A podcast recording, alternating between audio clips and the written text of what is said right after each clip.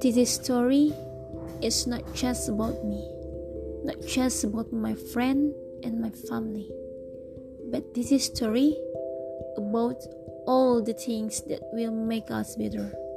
Not a big things, but will be a big influence on your life. So listen carefully.